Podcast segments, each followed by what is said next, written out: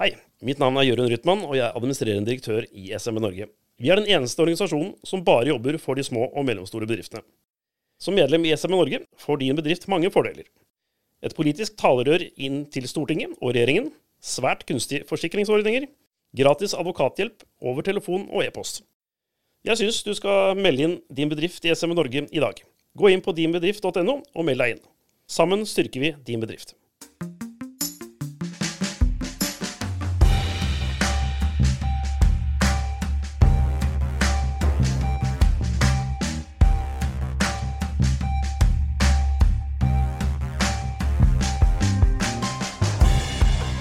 Hei og velkommen til en ny episode av SMB Norge-podkasten med meg, Klaus Jacobsen.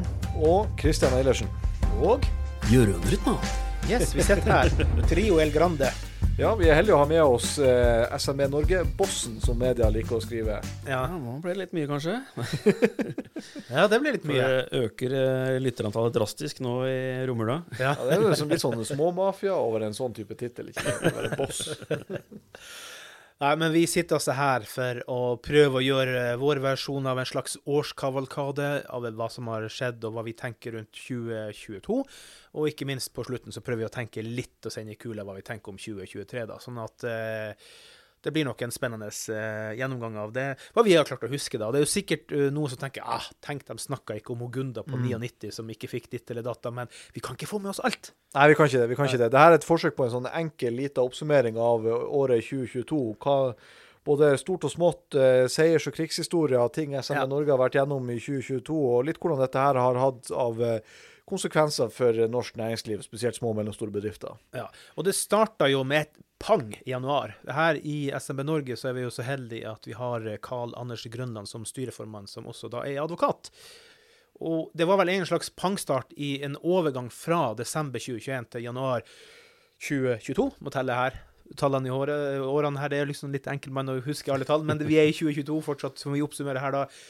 For det var eh, nedstengning og skjenkeforbud og søksmål og i det hele tatt. Det var, det var mye greier enn januar, uh, Jørund.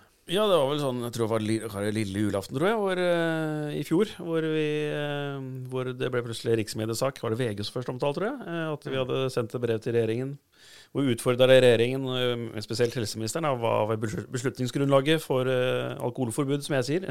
Ja. Eh, skjenkeforbudet. Med pågrunn det, Ja, det var jo covid-19-tider, eh, og mente vel ble mindre smitte og så videre da.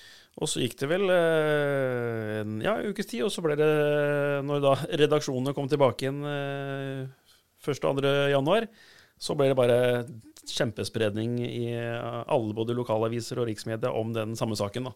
Eh, når journalistene kom tilbake til arbeids, eh, normal arbeidstid igjen. Så, så det var jo de første ukene, kanskje hele januar, så var det veldig mye inn og ut av studioer, TV-studio, radio. Vi var på Debatten. Vi var ja, overalt. Eh, og så Jeg vet ikke om vi kan ta æren for at det forbudet ble opphevet, men, men det var jo i hvert fall Vi var den første i hvert fall organisasjonen som pekte ja. på dette her og utfordret regjeringen. Så det var ikke bare bare å utfordre myndighetene under pandemien, for å si det sånn. Nei. da var det man fort satt i Voss. Så det var jo sånn der eh, Vi tok, noen runder med oss selv. Eh, skal vi tørre det her?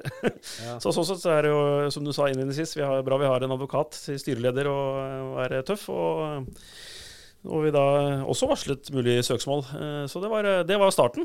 Så det var jo en pangstart. Både på, vi fikk jo mange treff på vår fagnettsted dinbedrift.no, og, Ja. og medlemmer og ja. Og klarte å utfordre uten å bli sammenligna med Chartersveien, som du sier. Det var en Ja. periode hvor det ikke var lov å utfordre regjeringa på noen ting på sånne ting. Nei, da skulle vi være lydig. Ja.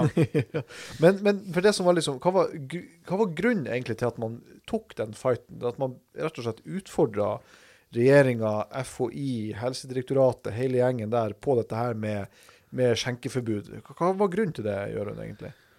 Ja, det var jo selvfølgelig at vi Det vi kunne lese i media selv, de begrunnelsene som de kom i media og på pressekonferansen og sånt, og vi fikk det ikke helt til å stemme. Eh, Og selvfølgelig rådslag oss spurte ja, flere på si wingmen, eh, både leger og, og forskere og, og advokater og jusprofessor og sånt, og vi slo oss ikke til ro med det vi hørte, og da, da endte vi med at nei, da skriver vi et brev. Eh, og som vi selvfølgelig også da delte med, med media at dette er sendt. Hvor vi da stilte en del spørsmål. eh, Og så ble det knyttet til spenning. Mm. Kommer eh, helseministeren til å svare? Eh, Og i så fall når, når og hva svarer hun? Så, Mm. så, men vi hadde jo gått nå er det 14 dagers frist eller sånt, jeg husker ikke helt. det. Men Mm. så var det noen en eller to dager før fristen kom, så fikk vi faktisk svar, da. Så Men, men så, det var jo nedstenging, det var skjenkeforbud. Hvilke konsekvenser hadde det for våre medlemsbedrifter, eller for små og mellomstore bedrifter generelt? da? Kanskje spesielt i skjenke... Ja, det er jo eh, naturlig nok. De, ja. vi har jo en del medlemmer inn som driver restaurant eh, og barer. eh, Men eh, det var liksom Det var det ene produktet, alkohol, det skulle være forbud mot. Mm. Så selvfølgelig var jo en helt krise for de som bare har bar. De har ikke matservering engang, det sier seg selv. eh, fra liksom en omsetning på et par millioner, så liksom det er begrensa hvor mye juice og melk du kan eh, servere. eh, og eh, ja, Så det er jo et kapittel for seg selv. Eh, og så var det noen eh, restauranter som holdt åpne likevel, men det er liksom som de forteller til meg, jeg sitter selv som styremedlem i Norsk, restaurant, Norsk restaurantforening nå. Får mye input der på hva de er opptatt av. Og, så de bør egentlig også inviteres til podkasten. Halvparten av omsetningen ja, er jo liksom relatert til alkohol, liksom. Så det er jo eh, kjempe Det er jo livsnerven deres. Eh, så, det, så det er jo det erstatning, liksom. Altså det, er liksom Ja. det er jo ikke aldri snakk om det under pandemien. Det er liksom er kompensasjon, og da en delvis kompensasjon. Så det er liksom det, det prinsipielle i min inngang eh, har vært hele veien. Ja. Og nå ble det så veldig åpenbart, liksom, og de hadde ikke tenkt å gi noen form for erstatning. eller sånn. Det var sånn, Nei, sånn er det bare. Og så var det de som Eh, tvang seg til å holde åpent likevel. De satt med svarteper, for de fikk ingenting. Det var bare de som valgte å stenge ned, som fikk noen form for eh, kompensasjon. De som da tvang seg gjennom for å holde sine og ikke miste sine ansatte, de tapte masse penger på det. ja, eller det var forskjellige runder der. Det var er det tre nedstenginger? Begynner jeg å få dårlig hukommelse her, men var det ikke den tredje nedstenginga? Ja. Så, nei, så det er my- mye å ta tak i. Og vi satt jo her faktisk, eh, jeg og daværende kommunikasjonssjef eh, Joakim Dagenborg, Mm. Satt jo her med hvor Vi hadde laget sånn koronakort. Eh, ja. hvor det var tre-fire dager før nedstengingen, den, altså den første nedstengingen, da, hvor vi eh, advarte mot hva som kom til å skje. Eh, også som første organisasjon i Norge. Ja. Så eh, Men du, du, du, du landa på søksmål til slutt her. Nei, Vi fikk jo svar fra regjeringsadvokaten, eller en brevveksling Ja. Vi hyrte inn en tidligere justisminister, Gøran Kalmyr fra Ja. Reder, eh, til å sende sånn søksmålsvarsel etter hvert. Eh, så endte jo med at uh, regjeringsadvokaten skrev noe Husker jeg ikke formuleringene, men at vi, vi har ikke partsevne. Nei. Eh, så sånn sett, ok, da, da, er, da er det lovverket vi må endre. Og det er politikk, så det er for så vidt når vi We're on it. Eh, vi hadde jo en Det kommer vi kanskje tilbake til. Mm. Hvis vi bare skulle tiden noen uker tilbake, så hadde vi jo en konferanse hvor vi har fokus på bedrifts, bedriftenes rettssikkerhet. Ja. Vi hadde også en uh, 22-markering på nedstenging av Norge. mars mars 2022. Mm. To. Ja. Men, men det som, det her var jo januar, den første måneden i året, så det var jo en, en pangstart Det var på, pangstart, på 2022 for SMN-Norge. Ja, og uh, vi er jo, en, vi kan, som jeg sier, vi er jo en småbedrift, vi òg. Vi er jo uh, vi er ikke så, så mange ansatte. Nei. Så selvfølgelig, eh, med de reglene som var den gang, så var det Ja. på å si du kunne ikke snufse så mye, og ja, da måtte du ta en koronatest, og Mm. da, da led vi også under uh, sykefravær. Men, sånn, par- men parallelt med dette her, da, så hadde vi jo også på den tida der i januar 2022 begynt å merke økte strømpriser. Det var jo noe vi var tidlig ute og advarte mot eh, høsten 2021. Ja, prisene økte allerede i oktober. Ja, og det, det her begynte, altså, der begynte virkelig å slå inn da, også i januar eh, 2022. Mm. Vi har også begynt å merke økte drivstoffkostnader. Mm. Men når vi da kommer inn i februar, så var det noe som skjedde, Klaus. Det var virkelig noe. Så jeg må bare avslutte å si det at selv om også vinter-OL i Beijing ble ramma av covid, det var mange norske utøvere som, eh, som ikke fikk komme inn der, for det var kanskje bare ett løp igjen da, så fikk vi gulldryss i hvert fall. Så noen ting kan vi her i Norge, og det er å gå på ski når det er vinter. Mm. Det som skjedde i februar, jo selvfølgelig, eh, hvis jeg husker helt feil, er det 23. februar? Det er ikke 24. februar. Ja, OK, 24. februar. Det er jo da selvfølgelig det, det Madman in Moscow, eh, Vladimir Putin, som vil tilbake til 1800-talls eh, tsarvelde og røyke inn i Ukraina. Og det som er spesielt i hele situasjonen, er jo det at uh, ikke har den situasjonen stansa. Den bare gasser på, bokstavelig talt. Eh, Gassledninger er blitt sprengt og i det hele tatt. Men økonomisk så har det ramma hele verden, nesten. Hele verden. Og Ja. vi står enda i det. Ja, absolutt. Og det har jo ramma eh, veldig hardt eh, næringslivet også, fordi at eh, det man opplevde etter invasjonen av Ukraina i februar, er jo at det som jeg nevnte nå nettopp, som Mm. allerede var begynt å være, bli et problem ved årsskiftet og inn i januar, nemlig strømprisene og drivstoffprisene, de, de eksploderte enda mer etter Ja. invasjonen der, ikke sant. Ja. Da skjøt jo drivstoffprisene i været, strømprisene økte enda mer, fordi at eh, plutselig var det stopp, eh, i hvert fall kraftig reduksjon på import av russisk eh, gass til Europa. Ja. Eh, Det har også da forplanta seg eh, på de norske strømprisene, selv om strømprisene ikke er utelukkende styrt av russiske gasspriser, eller gassprisen i seg sjøl. Nei, det var mest fordi de tilbød så mye til markedet. Absolutt, men det har, liksom, det har en sammenheng der også. at det, det har fått konsekvenser også for norsk næringsliv, som har måttet betale i dyre dommer både for å transportere varene sine, men også for å varme opp lokalene sine og, og gjennomføre produksjonen, ikke minst. Mm. Det som uh, uansett uh, blir uh, en på visa, er jo det prismessige her, som bare skaper sjokk gjennom hele Norge og Europa og, og verden for øvrig. Men det var faktisk Putin også involvert i. Nå er jeg ikke sikker på at vi alle, eller kanskje noen av dere husker mer detaljer enn meg, da, men det var advart rundt et års tid før det, for Putin gjorde noen endringer i markedet med gassen sin. Ja, Så jeg tror han har planlagt det mye lenger enn vi har visst om, da. Absolutt. Ja. Men utover det så kan vi jo si, si mye om uh, tidligere president Trump, men Mm. han, det er jo for et par, par, par år siden han han faktisk var griseforbanna på Tyskland og flere land hvor de faktisk gjorde seg så avhengig av, Ja. av russ, russisk gass. Så, eh, så det er jo, men det er jo en sidedebatt, da. Men, eh, men det er jo Men det, det var litt sånn på, på den kanskje negative sida av februar, men samtidig så var jo også det noe positivt som skjedde i februar, og det var jo Ja. Gjenåpningen av ja, pandemien. Yes. Eller yes. restriksjonene. Yes. Og det var det jo veldig mange som var glad for og letta for at nå ble det endelig gjenåpna. Utfordringa er likevel der at eh, under lockdown og den nedstengning og alt som var, så reiste jo f.eks. Uh, partysvenskene, hvis det er lov å si det, i hvert fall det begrepet de har fått. eh, de jobber og legger en skatt. De, de reiste jo hjem til Sverige, og så har de fått lønnsutvikling på en annen måte der enn her. Så de er jo ikke kommet tilbake. Så restaurantbransjen sliter jo fortsatt med folk, da, fordi Ja. at så mange reiste bort pga. Mm. av disse unødvendige lockdownsene. Så gjenåpning, ja, men har du folk på jobb? Mm. Ja, det er veldig, veldig Og det er jo, det er jo Mm. noe som også man har slitt med gjennom hele Hele 2022. veien. eh, at restaurant- og skjenkenæringa spesielt sliter med å rekruttere personell. Det har vært en kompetanseflukt al masse.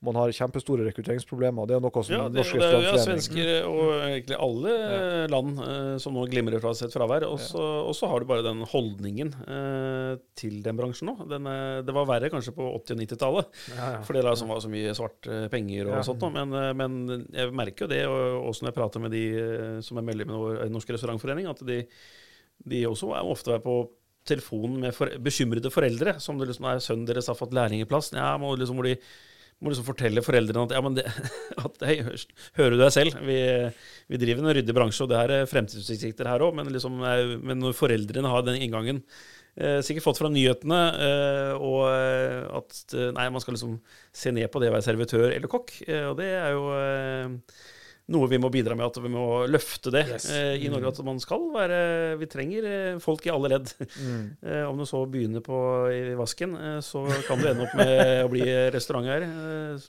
Absolutt. Og det, det, er bare, det er bare en liten sånn apropos det vi snakka om i forrige episode, da vi snakka om statsbudsjettet for, for neste år. det så er jo-. Eh, Absolutt inne på det positive. Der har jo da regjeringa fått flertall for å gjøre noe med utstyrsstipendene Mm. i videregående skole, og spesielt innenfor en del de yrkesfaglige retningen. Eh, Og det er helt nødvendig å gjøre et skikkelig løft der, for at vi, vi det er skrikende behov etter faglært norsk arbeidskraft. Mm. Spesielt når vi ser at vi sliter med å hente det fra utlandet nå i større grad enn før. Ja, og det er et skrikende behov etter å feire noe. Og når vi går inn i mars, så arrangerte dere marskonferansen eh, for å markere altså, eh, åpning etter eh, nedstengning 12. mars 2020. Men eh, dere arrangerte 11. mars-konferansen. eh, Ja, vi hadde en toårsmarkering at for å minne oss selv om at nå er det to år siden eh, Norge ble stengt ned. Ja. Eh, og vi er jo en del av historien der, siden vi stilte spørsmål og tok det opp først. og eh, og vi da hadde bl.a. Gøran Kalmy, som var vår advokat. eh, Og vi er flere mange interessante foredragsholdere eh, og debatt. eh, og, eh, så det var jo en stor konferanse, egentlig. Vår målstokk, Vi tradisjonelt, nå har jeg jobbet i, her i fem år, har ikke vært noen tradisjon for å ha noen konferanser eller eh, seminarer i den, den grad eh, vi har hatt i år, da. Men det kommer vi tilbake til. Men, men, men da hadde vi en godt besøkt eh, konferanse, eh, og eh, fikk attention fra politikere og, og fagfolk. Så Ja, for, for vi markerte jo da egentlig at det vil si to år før den tid, vil si 12. mars 2020, så var det jo mange som eh, regelrett fikk et, et næringsforbud, et yrkesforbud. Ja, og spesielt eh, Yes. det som faktisk er en del av våre medlemmer. Vi har mange bedrifter innen helse, eh, Yes. og uh, også kalt alternativ helse. Altså, men Kunne ikke ta imot folk. Nei. alt fra akupunktører og massører og ja, yogastudio. Ja, og de fikk liksom yrkes- og næringsforbud Mm. i fem-seks uker, jeg husker ikke. Mm. Eh, og mange av de falt gjennom alle kompensasjonsordninger også, eh, fordi måten de hadde rigget seg. Altså, at, eh, ja, så det er jo eh, og, og, ja, så det er eh, veldig trist eh, sånn sett. Hvor det da også eh, Jeg hadde ikke tenkt å prate om det, men det gikk bare noen måneder igjen. så kom liksom plutselig hør, høring fra Finansdepartementet at man skulle momslegge hele den næringen. I tillegg til det, liksom. Mm. Først fikk yrkes- næringsforbud, og så fikk de, mange av de fikk ikke noe, en krone i det hele tatt fra staten. Mm. Eh, og så skulle det plutselig avgiftsbelegges. eh, Og liksom en som driver med den type næring, det er liksom ikke så mye fradragsmuligheter. Det er liksom en massasjebenk. det er liksom det er, Det kjøper du én gang, forhåpentligvis. Ja. så, og ikke bare går det utover eh, bransjen selv, eh, sin produkt, eller tjenesten blir jo 25 dyrere, eh, men det går jo utover de som faktisk trenger hjelp, som da under to år med pandemien har fått en dårlig rygg fordi det har vært hjemmekontor med en stol som kanskje ikke har vært uh, rigget for uh, å sitte på den, uh, og kanskje psykiske problemer, og liksom også psykoterapeuter, og, som, som avlaster det offentlige. Så det, det, ja, også det burde vært en episode. Ja, ja, absolutt. Det, det har du helt rett i. Men også, vi har jo mange yogalærere som er kollektive medlem hos oss. Mm. eh, Og mange av dem har jo pleid å arrangere sånn, eller de pleide å arrangere sånne gruppetimer, gruppetrening, der du hadde kanskje mellom 10 og 20, eller opp mot 30 som Mm. deltok på den gruppetimen. Det ble de plutselig nekta under koronarestriksjonene og nedstenginga. Da du kunne kanskje bare ha plutselig fem, eller kanskje bare én, pga. de restriksjonene som var satt. Og, og, og til tross for at eh, de hadde kunnet ha god avstand og ivareta alle de smittevernfaglige rådene, så fikk de likevel ikke lov til å ha så mange som de tidligere hadde hatt på de gruppetreningene. Ja, ja, samme. Vi har også mange medlemmer som driver treningsstudio. Yes. Altså, det er sånn absurde regler. Liksom. De kunne ikke flytte ut og ha treningsstudio ute heller i friluft. Det er, sånn Nei, sant? ja, er kanskje for tidlig å le av det, men kanskje om to-tre år så tror jeg vi kan le av det. Men det er i hvert fall en, en fin markering fra SMV Norges side, da, både med tanke på, den, eh, på at nå var det gjenåpna, eh, og at vi hadde begynt å ta hverdagen tilbake, men også ikke minst sette fokus på bedriftene sin rettssikkerhet eh, gjennom hele pandemien, og hvordan den egentlig var satt fullstendig til side i mange situasjoner gjennom den nedstengingen som hadde vært i to år i realiteten. Mm, mm. Så det var i hvert fall mars før SMN-Norge Norges Ja, og, og, og utpå høsten her eh, tidligere i året før, da, så var det jo mye styr og ståk rundt Jens Stoltenberg som skulle komme hjem til, til jobb, da. Men i og med krigen i, eh, i Ukraina, da, så valgte han å fortsette som eh, sjef for eh, ja, det var i mars, ja. Han Ja. trakk seg som sentralbanksjef. Og da ble det jo Ida Wolden Bakke i stedet. I, i april da, så eh, har ikke jeg notert så veldig mye annet enn kanskje det var påske, og at man fikk lov å bruke hyttene sine igjen, da, som man ikke fikk pga. Da var det lov igjen, ja. Ja. så eh, ja, så det var en stille, stille april, da. Men eh, før vi går videre, så tenker jeg vi tar en liten eh, lytt på, eh, på hvorfor du bør bli medlem i SMB Norge. Hei, mitt navn er Jørund Rytman, og jeg er administrerende direktør i SMB Norge. Vi er den eneste organisasjonen som bare jobber for de små og mellomstore bedriftene. Som medlem i SMN Norge får din bedrift mange fordeler. Et politisk talerør inn til Stortinget og regjeringen, svært kunstige forsikringsordninger, gratis advokathjelp over telefon og e-post. Jeg syns du skal melde inn din bedrift i SMN Norge i dag. Gå inn på dinbedrift.no og meld deg inn. Sammen styrker vi din bedrift. Ja, det er alltid godt å høre eh, unge, vakre Jørund eh, Henning Rytmans eh, stemme der i Igjen. Ja, igjen. Igjen, da. Og vi minner som alltid, Kristian, om at vi er den nye Femstjernersbevegelsen, som jeg kaller oss for. Ja, og det betyr gi oss fem stjerners rating på Spotify som minimum. Hadde det vært seks, så kunne det gitt seks, men det er bare mulig å gi fem. Vi får nøye oss med fem. Ja, og så får du gi oss en femstjerners rating i Apple Podkast, Podcast og skrive en liten omtale av eh, SMB Norge-podkasten der, da. Så går vi litt videre her. Altså, i, eh, I mai så skjedde det ikke så veldig mye, men du Kristian var veldig opptatt med å eh, planlegge Arendalsuka. Ja, altså det der er jo en, en sannhet med visse modifikasjoner når du sier at det ikke skjedde så veldig mye. Fordi det, det er riktig at vi hadde ingen arrangementer i mai, Ja. men vi har jo masse arbeid hele tida, både med å levere inn høringsuttalelser Revidert nasjonalbudsjett. Yes, revidert nasjonalbudsjett. Vi hadde levert inn høringsinnspill til ulike saker som er til behandling. lobbyistmøter, vi følger opp våre egne medlemmer. Det er masse som skjer hele tida, selv om ikke alt nødvendigvis vises i form av et arrangement. Ja, beklager Eh, ikke at jeg fikk notert ned alt. Er Man ikke at vi, har jo, vi er jo Ja. mange likhetstrekk mellom oss og politisk parti. Eh, Vi er jo en politisk organisasjon, men Ja. vi har jo også lokallag, vi har regionlag, vi har eh, medlemmer som krever mye av oss, selvfølgelig. Men, mm. men det er jo mye som ikke er synlig. Mm, absolutt, absolutt. Så, men det er helt rett som du også var inne på, Klaus, at uh, mye av mai måned gikk med til planlegging av Arendalsuka, som vi skal snakke om litt senere i episoden. Ja, og som du gjorde en strålende jobb med. Flere Takk, ganger nå. Det var, det, var, det var bra, det, altså. Det bra, bra start, ja, som uh, ilde som prosjektleder for Arendalsuka. Så det er uh, terningkast seks, eh, Kristian. Terningkast seks og en halv, hvis det er lov å gi. Uh, Gjøre, men så kom jo juni, og da hadde dere en egen uh, arrangementsdag igjen. Hva, hva gikk den ut på? Ja, 27. juni det er jo eh, en viktig dag for små og mellomstore bedrifter. Det er kanskje ikke så mange som vet. eh, Selv ikke de som jo er en, stede. Jeg kom jo eh, på det nå. Jeg var jo der, jo. Jeg var ikke sånn. Men, eh, og jeg tok en test for noen år siden. eh, litt indirekte mobbing, jeg spurte noen kollegaer vet du hvilken dag 27. juni er. Ja, Og da fikk jeg noen blanke øyne og nei, det, nei, det er den internasjonale dagen for små og mellomstore bedrifter. Vedtatt av FN, faktisk. Ja. Så det er ikke en dag vi har funnet på, eller noen andre har funnet på, eller noe kommersielt. eh, Sånt, noe. det er jo faktisk FN har vedtatt at det er den internasjonale dagen for små og mellomstore bedrifter. Eller mikro og små og mellomstore bedrifter. Da var vi på Midtås i Sandefjord. Så da den, var vi i den internasjonale byen Sandefjord. Yes. Med flyplass og greier.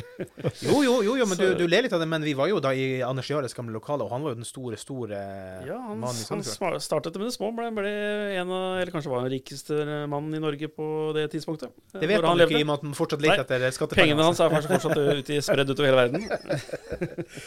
ja da, nei, Så da hadde vi jo en eh, bra konferanse på Midtåsen. Eh, Ja. Gamle rederboligen, privathjemmet til eh, skipsreder Anders Jare Mm.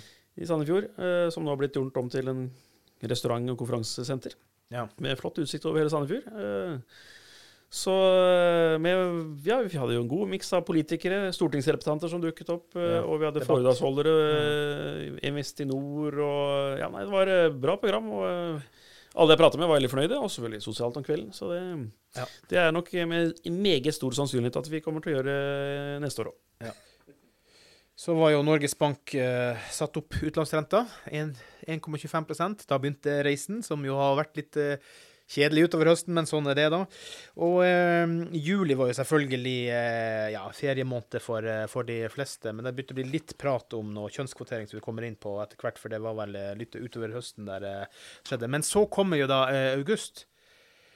Og da er jo virkelig den store eh, uka for SMB Norge, er det ikke det? Eh, Det må jo være den største uka for SMB Norge. Ja, det er i hvert fall den uka med flest arrangement i en og samme uke. Det er ikke noe Arendalsuka, tvil. altså. Arendalsuka, helt Ja. korrekt. Uh, så det er Det var en Jeg vil kanskje gå så langt som å si at det var årets høydepunkt eh, for SME Norge. Ja. Det var eh, en braksuksess nesten uten like, eh, etter min egen eh, nøkterne vurdering, for å si det Ja. på den måten. Nei, Vi har jo de siste to åra hatt uh, gjort oss mer synlige enn vanlig, da, siden vi har hatt et egen uh, liten bakgård som uh, vi har sikret oss, eh, og med da SMB Norge-telt.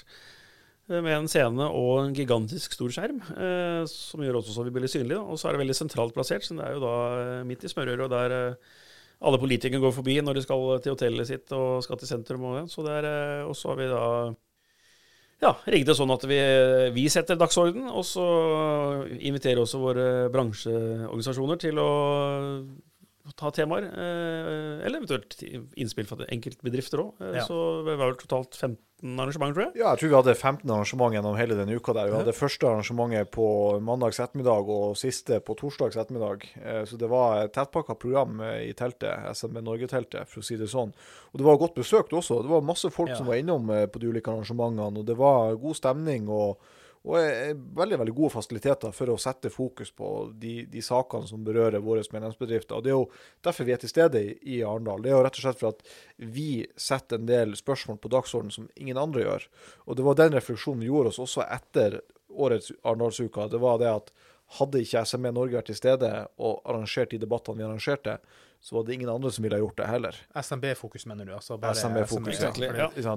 Et, et eksempel på det er jo sykelønnsdebatten. Mm. Det er jo en sak som vi vet at våre medlemsbedrifter er veldig opptatt av, og veldig mange av våre tillitsvalgte er også veldig engasjert i. Jeg kunne ikke se noen andre som hadde det på agendaen på sitt program eh, under Arendalsuka i, i, i år, eller i fjor, som vi må si. Denne podkasten blir jo lansert første uka i januar, eh, så, så det var jo 2022 i fjor, altså. Mm. Eh, og det, men det viser også hvor, hvor viktig det er at vi er til stede, for at uten oss så settes ikke en del sentrale spørsmål for små og mellomstore bedrifter på agendaen, hvis ikke vi er til stede i Arendal. Nei, også En ting er attention av eventuelt uh, tilfeldige eller, ja, publikum uh, og media, men selvfølgelig det, det er signaleffekt også at uh, stortingsrepresentanter del, takker ja til å delta med debatten. Eh, vi hadde også en annen debatt som var godt besøkt, hvor entreprenørskap og gründerskap som var tema. Da var jo næringsministeren Vestre som kom dukket opp, og Mm. topppartiledere og nestledere fra andre partier. eh, Så det var jo Ja. vi Det sier jo liksom at vi Ja, som du Kresen sier, vi hadde ikke vi vært der, så hadde liksom ingen andre arrangert det. Mm. Eh, og det er bare det at man ser at man får tilfeldige tilhørere, altså statsråder også, Mm. stopper opp og lytter til en debatt. Da, da har du i hvert fall skapt eh, en arena og, eh, og, og satt dagsorden på eh, noe som interesserer flere. Det var faktisk, Du nevnte jo den gründerdebatten vi hadde. Det var faktisk den, den best besøkte debatten vi hadde, og både i, i form av publikum, men også i panelet. Mm. Vi hadde jo, jeg tror vi hadde hele seks politikere i panelet. Næringsministeren, og vi hadde fire, tre eller fire nestledere. Nestlederen i Frp, nestlederen i Venstre, nestlederen i, i Høyre. Rødt òg, Partiet De Grønne òg, kanskje? M- Miljøpartiet De Grønne hadde vi nestlederen fra. Ja, Vi det var. yes, det var det. Hun Ingrid Liland i fra MDG. Eh, så det var, det var en topptung debatt, egentlig. Og for å skryte av det, eh, bare for to dager siden så fikk jeg, tok hun kontakt. Hun ville gjerne ville vite mer om eh, små og mellomstore bedrifter, siden det skulle ha mer fokus på 2023. Eh, om det er alene pga. Arendalsuka eller annet, men i hvert fall, eh, vi har jo en intention og direktelinje der oppe, og det er veldig bra eh, av, Partiet De Grønne at de nå eh, Nei, de små og mellomstore bedrifter, det, det må vi Mm. lære mer om og ha mer fokus på. Mm. Så det, det var også et veldig veldig godt arrangement vi hadde. Og eh, vår representant eh, i skatteutvalget, Silja Dagenborg, eh, hadde også en, en presentasjon om skatte- og avgiftspolitikk for små og mellomstore bedrifter. Så var det debatt rundt det også. Vi kommer tilbake litt til det med skatteutvalget, for det kom jo senere da. Mm. Men det er vel ingen tvil om at uh, hun ikke helt har vunnet gjennom på alle synspunkter som SMB Norge ville ha stått for uh, i, den, i det utvalget. da. Nei, det, det, det, det kan Har ikke vunnet alle sakene. Det, det er liksom. ting som kan tyde på det, uten at vi skal gå inn på alle detaljene. Men det er en av de tingene som, som Silja eh, Dagenborg har satt fokus på i den referansegruppa som hun har vært medlem i, det er jo dette her med saksbehandlingstida i Skatteklagenemnda. At Mm. den er veldig, veldig høy. Tre år ofte. Opptil tre år på enkelte saker. og Det man risikerer da, er jo at, at en bedrift som får et eh, skattekrav som, som bestrides, i realiteten kan bli slått konkurs før man får saken sin avgjort. Mm. Og Det er også noe som vi har sett har vært poengtert nå i, i de siste dagene av desember. eh, At man har påpekt eh, at den saksbehandlingstida er altfor lang. Hvem var det som var inne på det, Jørund? Det var det Ja, så en sak nå for ja, noen dager siden. At det var, eh, at det var eh, ja, stor ja, medieomtale om akkurat det at det var altfor lang eh, mm. saksbehandlingstid, og det går på rettssikkerheten løs på Mm. ja, bedrifter og ja, Nok et på eksempel på, og ja. Mm. et eksempel på sånn rettssikkerhetsspørsmål for bedriftene. Ja. Ikke sant?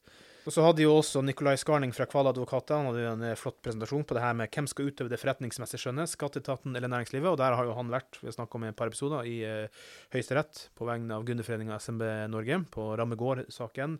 Ja, og der tenkte jeg bare kan nevne Mm. for lytterne at eh, det er i episode 18 eh, i SMB Norge-podkasten så omtaler vi den Ramme Gård-saken, der Nikolai var med i studio her og snakka litt mer inngående om den saken. Og den har jo nå fått sin konklusjon.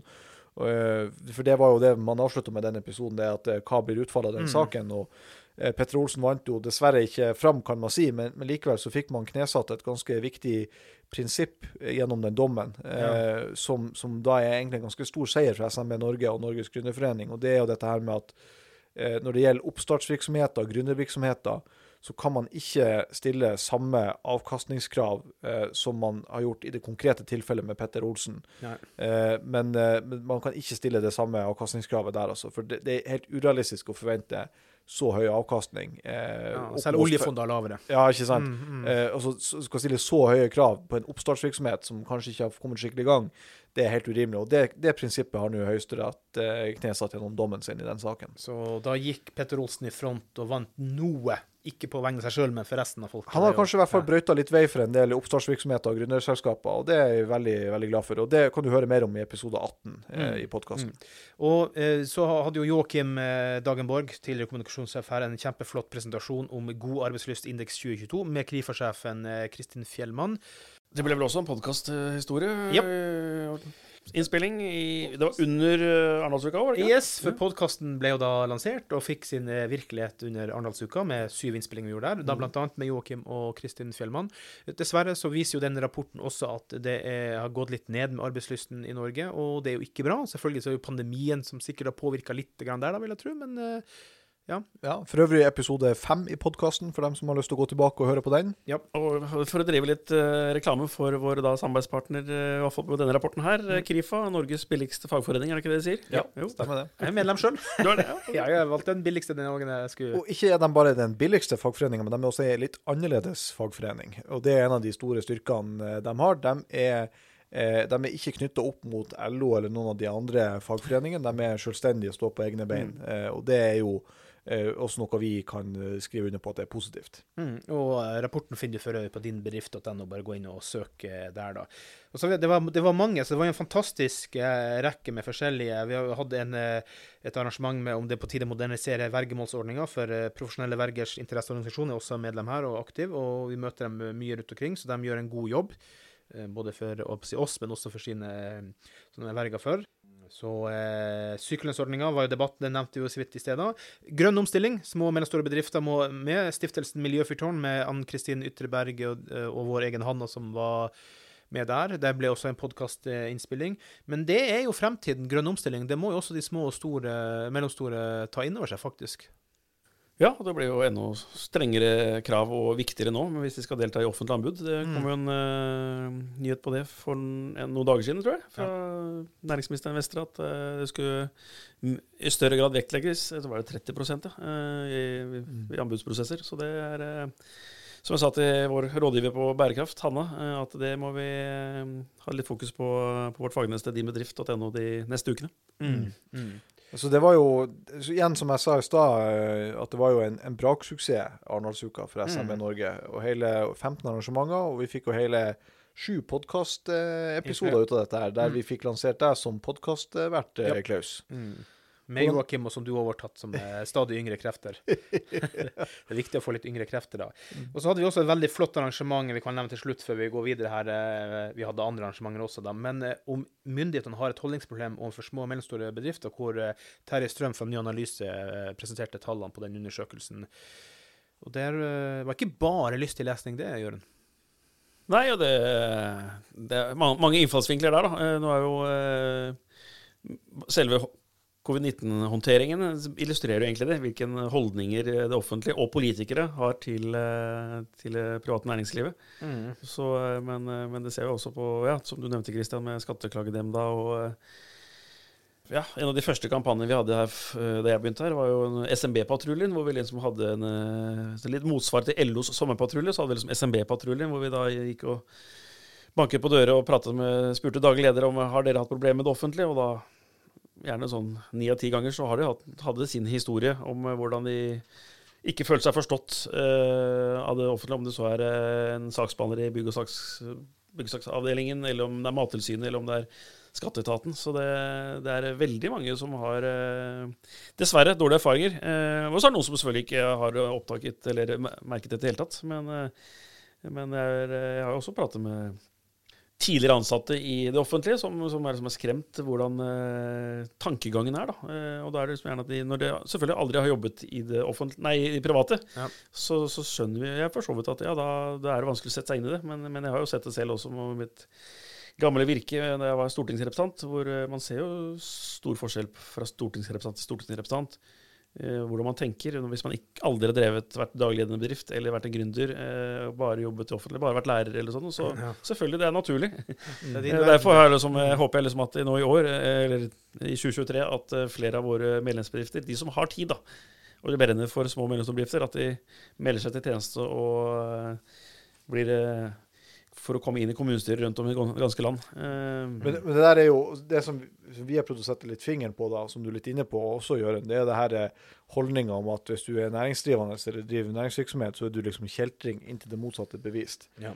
Og det har man mange erfaringer med, at du blir liksom sett på som kjeltring når du kommer inn i møter med offentlige etater, byggesaksavdeling osv. eller er det Arbeidstilsynet eller det skjenkekontrollen eller hva det enn måtte være, at du har der kjeltringstempelet på deg bare fordi du driver næringsvirksomhet.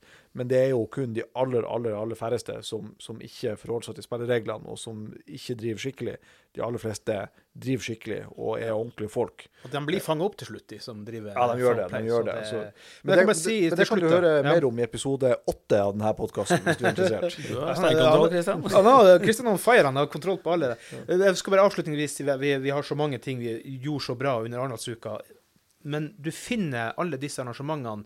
Er det på dinbedrift.no, eller er det på Facebook? Du, du kan gå inn og se alle. Ja da. eh, De ligger ute på enten på SMN Norge sin eh, konto på Vimeo, eller så ligger det også ute på vår Facebook-side. Der kan Ja. du gå inn og finne det. Jeg tror vel også vi har noen av debattene som er eh, på SMB-TV. Eh, Stemmer det. hvis man vil se noen av debattene på å si live, men i hvert fall opp, opptak, så, så finner du på en menyknapp på din bedrift der òg.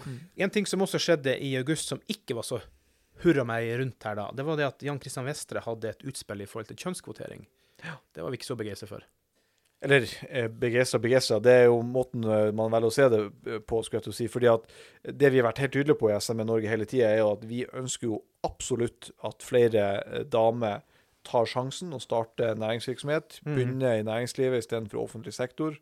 Det er noe som gjelder like mye eh, kvinner som det gjelder menn, kan du si. Men det som eh, vi har reagert på, er jo at man skal fra Næringsdepartementet og politikernes side komme eh, ut og, og tre nedover hodet på de som eier og driver en bedrift. Eh, krav og regler og påbud om hvem som skal sitte i styret til bedriften. Der har vi ment at rent prinsipielt så er det den, som, den eller de som eier bedriften, som sjøl må velge hvem som skal styre bedriften. Det er et, et veldig viktig som, prinsipp som vi er opptatt av. Eh, og, og der har vi vært litt, eh, si, litt uenige med næringsministeren, for han har ment at det viktigste er å, å få, på, på, få på plass kvoteringsregler og få inn flere kvinner i styrerommet. Eh, men, mens vi er opptatt av det prinsipielle i den saken der. Så det er jo en sak som, som starta allerede i august, og som har egentlig har rulla godt utover høsten. Det er også, ikke sant, Jørund? Mm. Absolutt. Uh, ja, nei, det er mye å, mye å ta tak i der.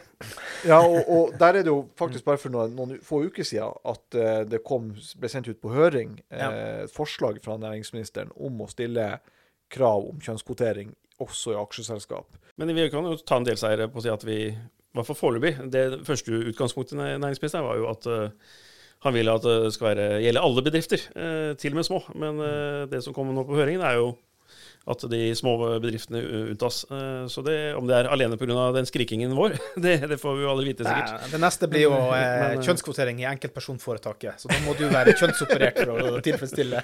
Nei, sant? Men det er helt rett som Jørund sier, at det er en delseier det der. At, at man har, fall ser ut som at man kanskje får et unntak for de minste bedriftene. Og det er også det vi spilte inn i hørings- Mm. eller innspillsrunden som man hadde i september, da vi deltok i et møte om dette her. Ja. Da spilte vi nettopp det at prinsipielt så mener vi at den eller de som eier og driver bedriften, dem som skal avgjøre hvem som skal sitte i styret. Ja. Eh, men dersom du absolutt må innføre eh, noen kjønnskvoteringsregler, sånn som du har for børshåndterte selskaper, eh, så må det i hvert fall være et unntak for de aller minste bedriftene.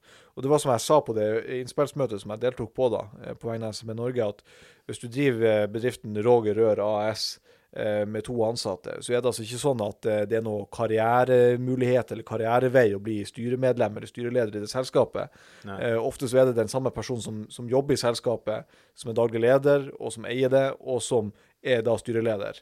Mm. og du har kanskje bare én person i det styret, for det er ikke krav om flere enn én person, med mindre det er et visst, eh, viss størrelse på selskapet. Og da er det helt meningsløst å stille krav om kjønnskvotering i sånne selskaper. Og den der, litt den realitetsorienteringa måtte SMB Norge bidra med i det høringsmøtet eller det innspillsmøtet som vi deltok i, for det var ingen andre som hadde det perspektivet. Og det overrasker meg mest, at, eh, men som bekrefter jo egentlig at når de selvfølgelig ikke kommer fra den sektoren, eh, og andre interesseorganisasjoner og arbeidstakerorganisasjoner, de, som, de, de har ikke, liksom ikke tenkt på det at å ja, en mindre bedrift. Da. Det er kanskje liksom at vi kommer ja, sånne eksempler, da, eller at det er en uh, familiebedrift, men liksom det er uh, faren og hans tre sønner Mm. som driver det, og så plutselig skal komme krav fra staten. Nei, dere må ha en kvinne med i ledelsen eller styret her. Du må er produsere en datter òg, i tillegg. Eh, og så er det liksom eh, styreansvar, eller som, som har vært så mye fokus på de siste par årene uh, i rettssystemet. At det, det å være styremedlem, det er jo eh, det er jo et eget fag òg. Jeg har tatt eksamen faktisk i det for mange år siden. Hvor, hvor, hvor, mye som påhviler et styremedlem. Eh, og nå skal man egentlig da lure eh, familiemedlemmer eller noen eh, til å ta styreverv. Og så kanskje kan vedkommende bli endt opp og liksom bli dømt til eh, flere millioner i styreansvar fordi man ikke har fulgt opp på ordentlig måte, har ikke stilt de riktige spørsmål. Som, ja, det er et fag, faktisk. Yes.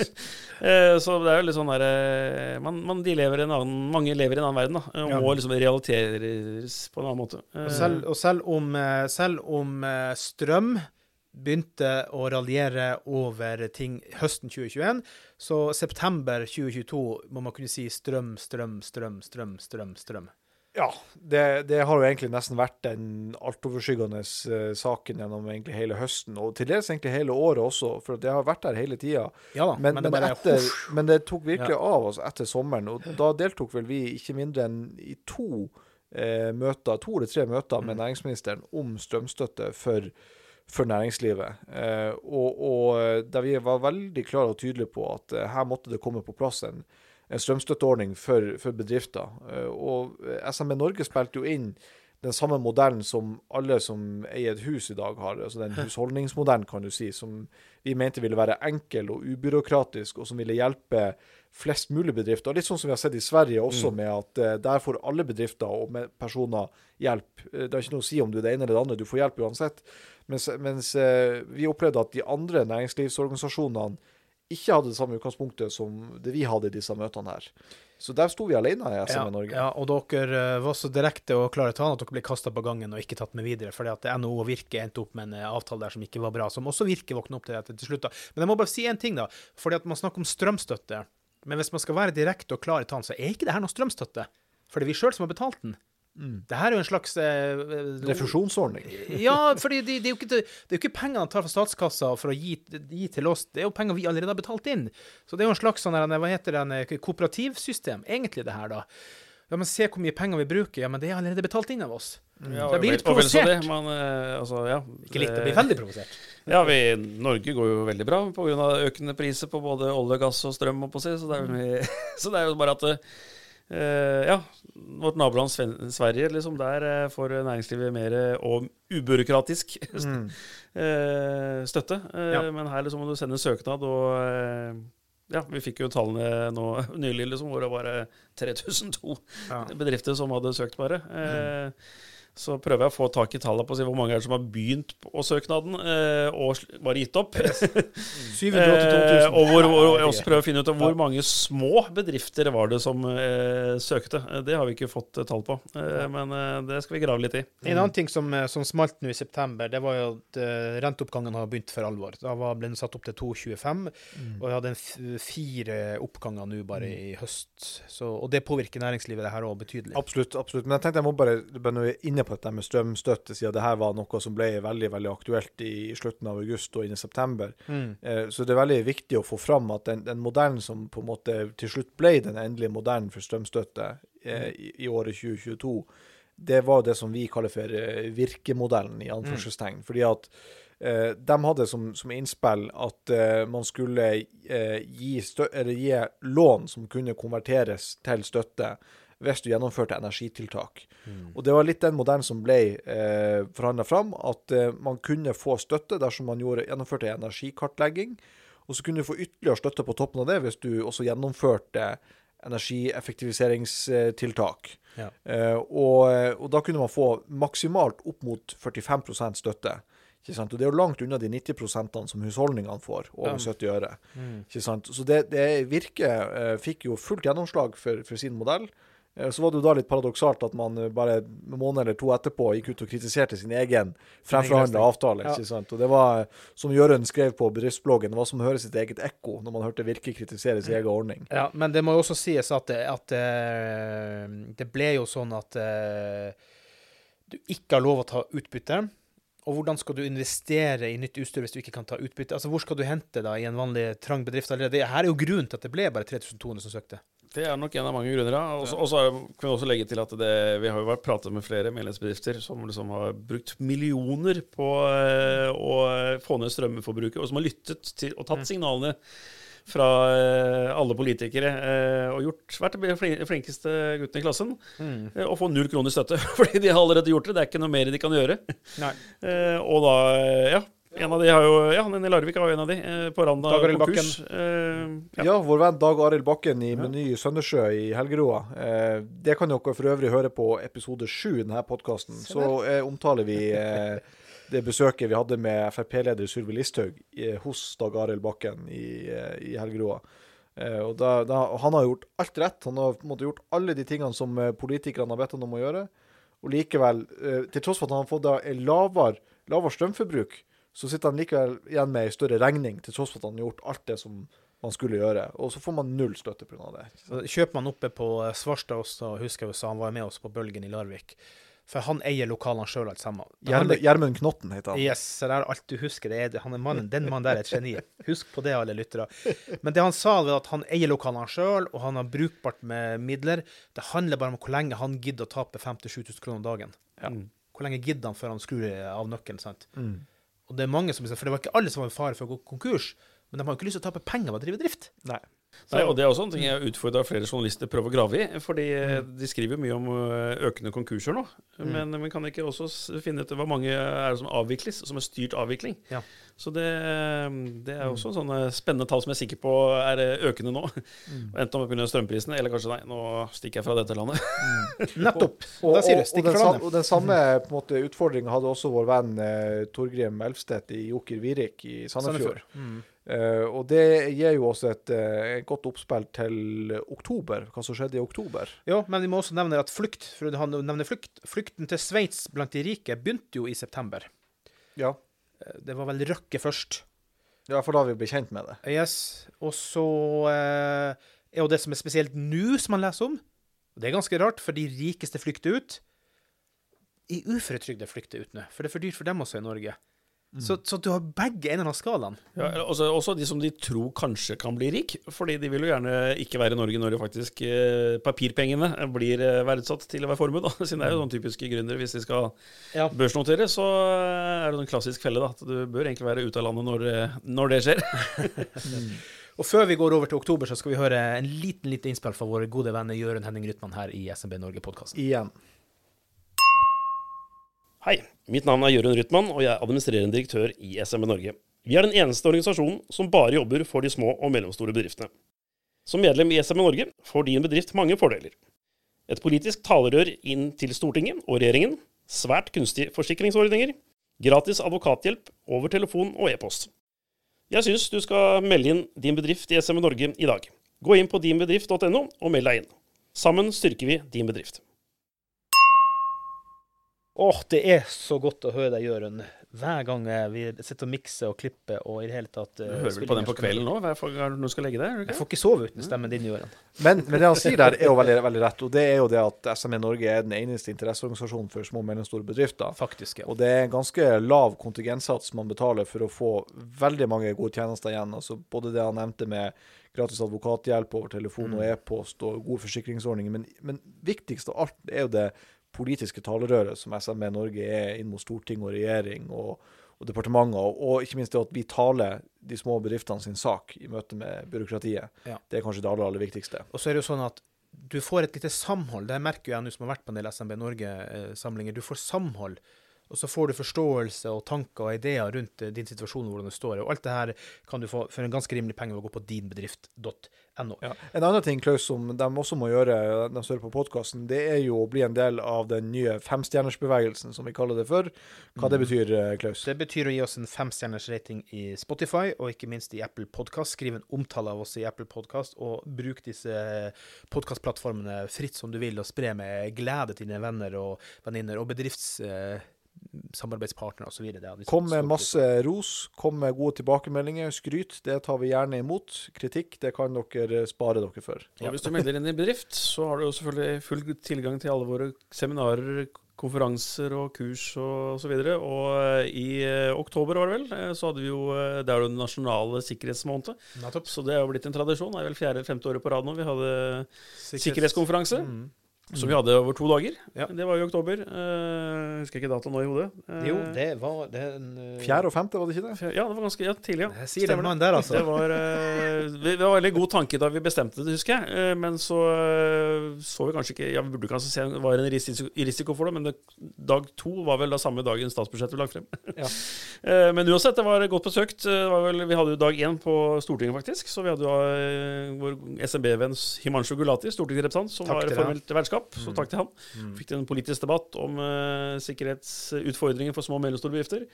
Og så dag to uh, på Bristol hotell, hvor eh, vi hadde en del samarbeidspartnere som holdt kurs og foredrag om hva en bedriftsleder bør tenke på. Ja, og vi intervjua jo den tidligere forsvarssjefen der.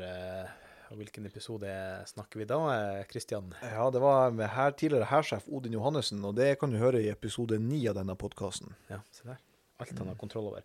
Men vi hadde en ting til i eh, oktober. 17. oktober i Bølgen kulturhus, eh, før konkursbølgen tar oss, med NRK på slep, og over 200 meget frustrerte bedrifter som møtte opp.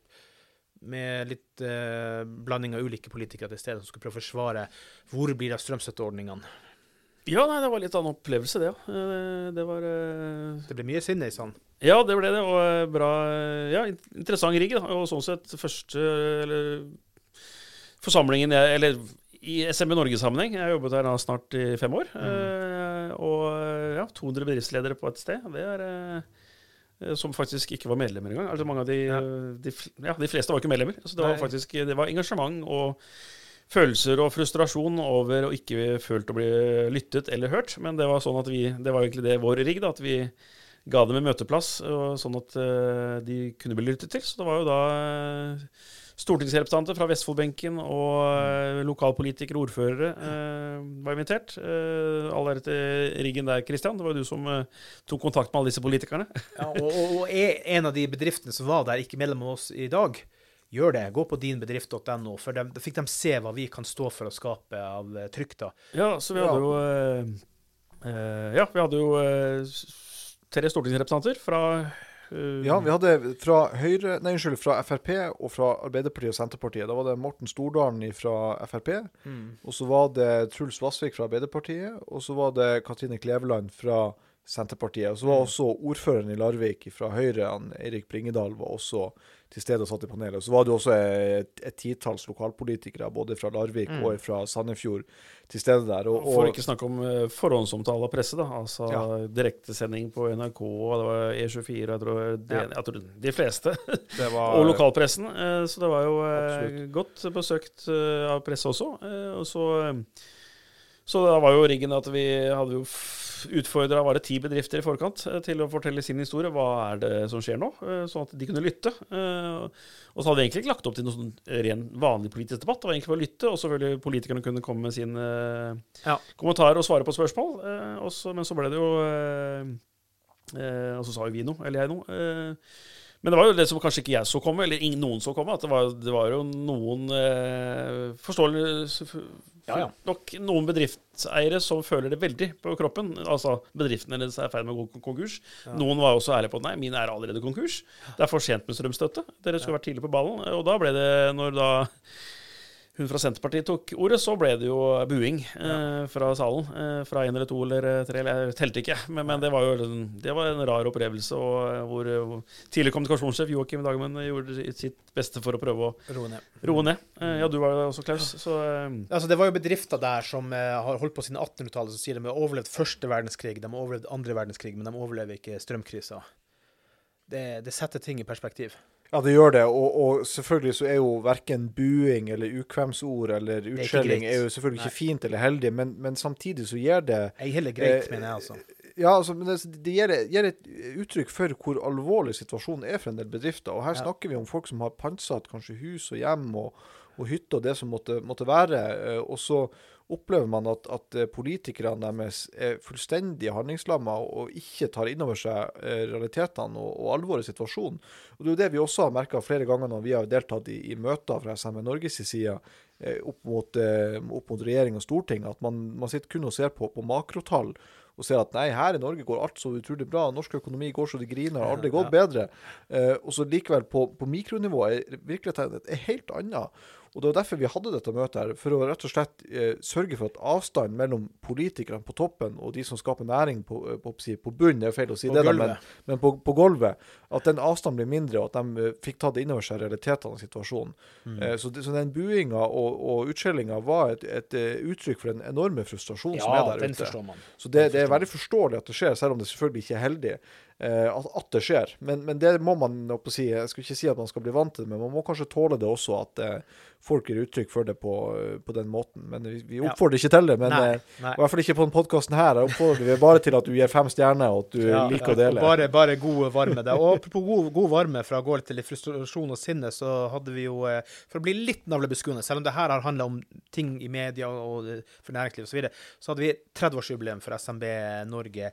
29. oktober på hotell eh, Bristol. Det var også med diverse ting som skjedde. og i det hele tatt, og Det var en, var en flott affære, det også, Jørgen. Ja, og sånn sett har jo hele 2022 vært eh, mange grunner til at det er et merkeår. Det er 30 år siden eh, vi ble etablert. Ja, eh, Mm. Da var det noen Det begynner å si det mange ganger nå, men det var noen misfornøyde bedrifter i Mm. NO, og det er jo sannhet. Eh, Kan ikke NO komme seg uten noe. Det er eh, sånn det var. Det var noen eh, politiske saker som gjorde at det var noen bedriftseiere som var ganske irritert over NO og meldte seg ut, og startet et norsk bedriftsforbund, som det het da. Mm. Og så etter hvert Bedriftsforbundet, og så ble det for tre-fire år siden til SMB Norge. Mm. Eh, Så det har vi da brukt lang tid på å planlegge, så det ble da jubileumskonferanse, 30 år eh, på Bristol hotell. Vårt stamsted oppå har det nesten blitt. Eh, Det er jo fordi en av våre medlemsfordeler eh, til alle våre medlemmer er jo Thon hotell. Mm. Og flaggskipet til Thon hotell-kjeden, det er jo Bristol hotell. Eh, Så, eh, så der får vi god service og god oppfølging, og det ble jo godt besøkt òg. Jeg tror det var kan være rundt 110 stykker, tror jeg, som var, som var godt besøkt, med konferanse på dagen. Ja. Bare fått gode tilbakemeldinger. Det var god miks av uh, både- Mange sentrale politikere. sentrale politikere, Mm, næringsministeren mm. og partiledere. Hilsning fra statsministeren. Det var, eh, ja, det var perfekt. Det var, eh, jeg, jeg kan ikke komme på så mye eh, hva som kunne gjort bedre, men uh, terningkast seks. Det var eh, Ja, det var utrolig bra arrangement. bra tilbakemeldinger. var- eh, god både- stemning. God miks av faginnhold på underholdning og humor og Og vi har jo god mat. Og, Og og nachspielet til Christian, husker du det? Nei, nei. Humoren var var- jeg hadde ikke noe. Jeg jeg var dessverre ikke til stede på, på seansen på kvelden, så det kan du ikke laste meg for det. Christian Men, er så kjedelig mann. men, men det som jeg i hvert fall kan si, det er at hvis du har lyst til å høre mer fra jubileumskonferansen, så kan du sjekke ut episode 12 i podkasten vår. Der er, har vi en egen episode som Joakim og Klaus spilte inn fra Bristol hotell. Ja, og da snakker vi med Guri Melby, vi snakka med Siv Jensen, og så snakka vi med Morten Berge, som er altså tidligere eh, Administrasjonssjef. Yes. Og for så vidt vært eh, konstituert eh, administrerende direktør, og jeg er han ikke har vært? det på seg. Jeg tror han har hatt nesten alle roller. Tillitsvalgt og ja. Mm. Og nå er han leder i, i Lyn. Fotballklubben Lyn. Ikke sant. Episode 12 i hvert fall i podkasten. Der har vi det. Ja, for å gå videre til november, da, så, eh, så må jeg bare si at også i oktober, da, som har vært mye sirkus rundt omkring, var at for 44 milliarder kroner kjøpte Elon Musk Twitter. da. Ja, stemmer det. Skulle ta tilbake ytringsfriheten. Men, og- men, men ja. Klaus, jeg bare kom på en liten sånn apropos uh, jubileumskonferansen vi hadde Ja. 29. Så var det jo en, en eh, relativt eh, ja, Det blir kanskje feil av meg. Jeg vil si en, en meget eh, begavet uh, ung mann som, som sto på, på scenen og snakka på konferansen. Og det var jo Håkon Ellingsen i Ellingsen Group. Ja. Og han hadde vi jo i podkaststudioet vårt i november. I november, nettopp. Og ikke minst så har Jøren engasjert han inn i noe som heter SMB Ung. Fortell litt om det, Jørund. Ja, kanskje litt sånn, jeg er kanskje litt sterk preget av å ha vært i politikken i mange år, men eh, alle politiske partier eh, med respekt for seg selv bør jo ha en ungdomsorganisasjon. så, eh, så den tanken der, men kombinert med at vi har jo hatt Vi er jo medlem av noe som heter SME United, som er en europeisk interesseorganisasjon Ja. for uh, små og mellomstore bedrifter. Og, og den, på den måten har vi også kommet i kontakt med veldig mange søsterorganisasjoner over hele Europa. og også flere av de har jo også faktisk har en ungdomsorganisasjon, så det er ikke bare min idé, men jeg er faktisk inspirert av alt fra søsterorganisasjoner i Romania, svenskene våre, Føretagerne som heter. De har Ja. Føretagerne Young, eh, så eget nettverk for unge bedriftsledere. Så det har vi tenkt å gjøre noe med, og, og allerede i gang. da, Så da er jo faktisk han Håkon, ja. Håkon Ellingsen eh, blitt leder for SMB Ung. Eh, hvis det er det navnet de kommer til å beholde, da. Men det er iallfall i sin startfase. Mm. med en eh, rekke andre ungdommer og eh, som har gründerspirer, Ja. Mm. allerede vil etablere, etablere eller skal gjøre. eh, har, har gjort og allerede har litt erfaring. Og det unike og interessante med Håkon, og grunnen til at han var på scenen under jubileumskonferansen, var jo at han eh, under pandemien, eh, som var 15-åring, Ja. lurte læreren sin med det da digitale, digitale klasser og forelesninger. Eh, Lata som han var til stede, eh, men eh, holdt på å starte egen bedrift, da. eh, Som nå er vel bedriften hans er verdt da? 12 millioner eller sånt så det var eh, Ja, det- interessant historie. Ja. Ja, Det er ikke bare interessant, det, det er en ganske inspirerende historie, egentlig. Og, og, vi, Og vi tror, en lang prat med han, vi. ja, vi hadde en lang prat med han eh, i episode 17. Skal bare av, si det. eh, Han får gjette meg. Der er du kommet alle igjen. Det er viktig å være først ute. ja.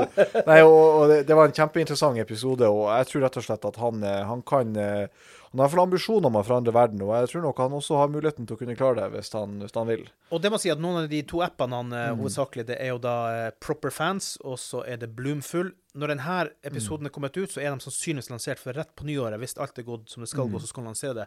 Og det blir veldig spennende å følge hans utvikling. Han, han, Ja. skal ta og gi internett tilbake til folket. Det er planen Ja, absolutt. Men altså de, de tilbudene som de, de appene vil kunne gi, også med tanke på innenfor psykisk helse og, og ellers, eh, det, det tror jeg kan være et utrolig godt eh, tilbud. Mm. Eh, Så hvis du er interessert i å høre mer om det, så kan du bare sjekke ut episode 17 av podkasten. Da har vi en dybdesamtale med, med Håkon Ellingsen. Ja, og det var en god, god samtale. Ja, veldig bra. Virkelig. Før konkursbølgen tar oss, vi var jo også innom Asker, og der må jeg innrømme at der var det mange sterke historier. Det var da 29. november vi hadde der. Og selvfølgelig ikke like stort oppmøte men det var viktig, riktig folk som var til stede, sånn som når vi var på bølgen i Larvik, for da var det virkelig crazy times i, i strømmet. Det har gått litt opp og ned, og da var det litt ned, men det var sterke historier. Det var konkurser, det var eh, restauranter som har vært godt besøkt i 40 år, som må legge ned, osv. Det var bokhandelen som ikke selger bøker lenger det var mange sterke historier der. Ja, og så fikk vi jo eh, litt drahjelp også fra Asker næringsforening og Bærum næringsråd, var det det? Ja, det, det må sies. Altså Eh, både Så takk til dem òg, at de var eh, enige i at det var et viktig tema. Og, Ja. og eh, Mm. selvfølgelig også har, vet jeg, har mange Mm. medlemmer som sliter med strømprisene. Ja, Steinar i Asker næringsforening og Aksel i Bærum næringsråd bidro veldig godt der også med å, å, å både rekruttere deltakere og finne bedrifter. Eh, og jeg vil si at de historiene der gjorde jo kanskje minst like sterkt inntrykk som det de gjorde i Larvik også. Å Jeg vil si sånn. mer, fordi at der er man kommet lengre. Der er man konkurs, basically. Mens Mm. også noen i Larvik var det. Mm. Men da sto de mer i det. Men her var det Nå har jeg gitt opp livsverket mitt, sant. Ja, og så fikk vi også høre det at eh, det var eh, små bedrifter som som nå hadde forsøkt seg på denne søknads, søknadsrunden for Ja. strømstøtteordninga, som bare eh, ga opp. De sa at eh, det vil ta altfor lang tid å gjennomføre dette. Jeg har ikke strømmåler på fem ulike punkter i mitt næringsbygg og det ene med det andre. Det, så det gjorde sterkt inntrykk. Og, og, men det var, vi hadde en veldig fin ramme rundt møtet. Det var konstruktivt og saklig, og vi, man fikk fram historiene til Ragnhild Hartvigsen, stortingsrepresentant fra Arbeiderpartiet, som var den Ja. eneste representanten fra Akershusbenken som Men mange opp. andre gode politikere til stede. Det var så- mange gode lokalpolitikere til Mm. stede, men, men det at det var én representant fra Akershusbenken til stede, Ragnhild Hartvigsen, det var veldig bra. Hun fikk med seg de historiene tilbake til Stortinget. Det er veldig, veldig nødvendig. Apropos det du sier der med de målerne. Det er noe av Mm. det mest latterligste med det strømstøttepakkegreiene. Og som de fleste grunnen til at den ga opp, det er fordi at du måtte drive og montere masse strømmålere rundt omkring. Mm. Hvilken nytte skulle det ha? Strømmen er den du bruker, men de skulle ha så spesifikke punkter. Der har du den strømmåleren, der har du den, og den og den og den. Og folk ga jo opp nettopp pga. Ja det- sånne installeringer. Ja, altså, store Ja, dokumentasjonskrav det, er, og det er mye å ta tak i der, og bare det at, eh, som jeg har prøvd å få frem litt mer i debatten, er at det er også en krav til at en revisor eller en autorisert regnskapsfører skal bekrefte eh, det som du har skrevet i søknaden. Altså, Ja. Igjen holdningsproblemet hos det offentlige og politikere, altså, og reality check. Hvor mange, jeg har fortsatt til gode å prate med en revisor eller autorisert regnskapsfører som hadde hatt ledig kapasitet, Ja. mm. plutselig å få en ny kunde. Så gjør det. Liksom, nei, de første pri er selvfølgelig å prioritere sine egne kunder. Fordi det er jo faktisk spesielt av våre medlemsbedrifter. De fører faktisk regnskapet selv, veldig mange. eh, og har ikke noe eh, autorisert regnskapsfører eller revisor. Mm. og om de så hadde, så er det eh, ressursene eh, hos eh, de revisorene Det er ikke sånn at de går rundt og kjeder seg. Liksom. De Nei, har nok å gjøre. Nei, nei. Vi, vi Eh, lever i et såkalt tillitssamfunn, men Ja. gang på gang viser myndighetene at de ikke tar tak i ja, det sjøl. ja, exactly. Og det er mistilliten til næringslivet. Da. Øh, jeg prøvde liksom å dra fram den også på, i Asker. At, Sammenligne med skattemeldingen som vi leverer inn. Det er ikke sånn at vi må ha en revisorbekreftelse på at det vi har levert i sin selvangivelse som det het i gamle dager, men skattemeldingen, det er riktig. Altså, nei, det er basert på tillit. Og hvis du faktisk prøver å snylte på skatten, ok, da skal du hengt og omtrent fengslet, altså få sin straff, da. Men det er jo det vi må ha tillit til hverandre. Absolutt. Jeg tenker at det er jo et fint punkt å ta en liten pause på for å igjen høre hvorfor du burde melde deg inn i SMB Norge. Hei, mitt navn er Jørund Rytman, og jeg er administrerende direktør i SMB Norge. Vi er den eneste organisasjonen som bare jobber for de små og mellomstore bedriftene. Som medlem i SMB Norge får din bedrift mange fordeler. Et politisk talerør inn til Stortinget og regjeringen, svært kunstige forsikringsordninger, gratis advokathjelp over telefon og e-post. Jeg syns du skal melde inn din bedrift i SME Norge i dag. Gå inn på dinbedrift.no og meld deg inn. Sammen styrker vi din bedrift. Åh, det er så godt å høre stemmen til Jørund Henning Rytman. Gjør som han. Meld deg inn i SMB Norge på dinbedrift.no. Det er så godt å være her. Jeg må få den jinglen der òg, og ha den ved inngangsdøra mi når folk kommer inn, eller et eller annet. Hei, det er Jørund Ruthmann. Ja, vi går inn i siste måned her for 2022, og 5. desember så hadde vi noe som heter Desemberkonferansen. Hva skjedde med bedriftenes rettssikkerhet? Og ikke minst, Jørund, du er opptatt av det, det var julebord i tillegg. Det var uh, julebord i tillegg, ja. Det er viktig. Uh, og så vidt meg bekjent uh, ikke vært noen tradisjon for å arrangere det i sånt format. Eh, Så det var et sånn pilotprosjekt vi hadde eh, på Bristol hotell. Og det var eh, Ja, det var jo eh, Vi var litt usikre på hvor mange som ville dukke opp i sånn travel eh, desembermåned. Det er eh, mange av våre medlemsbedrifter som har nok av julebord. Eh, og fritiden er det mange som prøver å være nå når man er en travel bedriftsleder. Men eh, det ble fulltallig. eh, og ja, god mat som alltid på Bristol. Og, og DJ, og fikk en god stemning på kvelden og eh, også på dagen, som du sa. Vi hadde jo en eh, Tema var bedriftenes rettssikkerhet, som er eh, aldri vært mer eh, viktig. Nå har vi jo pratet om det mye i denne timen, eller episoden så langt, eh, og forrige episode også. Så det er eh, det, der hadde vi jo eh, flere gode foredragsholdere og hadde også debatt. Eh, vi hadde også jo en, gjorde en liten twist som vi Småpartienes debatt, ja. Småpartienes debatt. Det var noe nytt eh, som vi også testa ut. Apropos Arendalsuka. Det tror jeg kunne funka å alliere seg litt med noen medier som ville ha sendt, men kanskje, kanskje snakke med dem på forhånd, for noen av de var litt vel, vel hissige på grøten. Men snakk om at husk at nå skal vi det presenteres, det skal ses, det skal lyttes, skal ditt Men jeg syns det var et veldig godt initiativ av småpartienes debatt, fordi at de blir jo ikke sett ellers. Nei, og, det, og vi må, er det noen som kanskje skal hjelpe småpartiene, så er det kanskje de oss som er for de små og mellomstore bedriftene. Men, eh, men, eh, men ja, i hvert fall det var vi testa ut, og det, de var jo selvfølgelig strålende fornøyd og var faktisk endelig ble invitert noe sted. Eh, og det som var felles kanskje for mange av de små partiene, det var jo hvem som var der. Det var mm.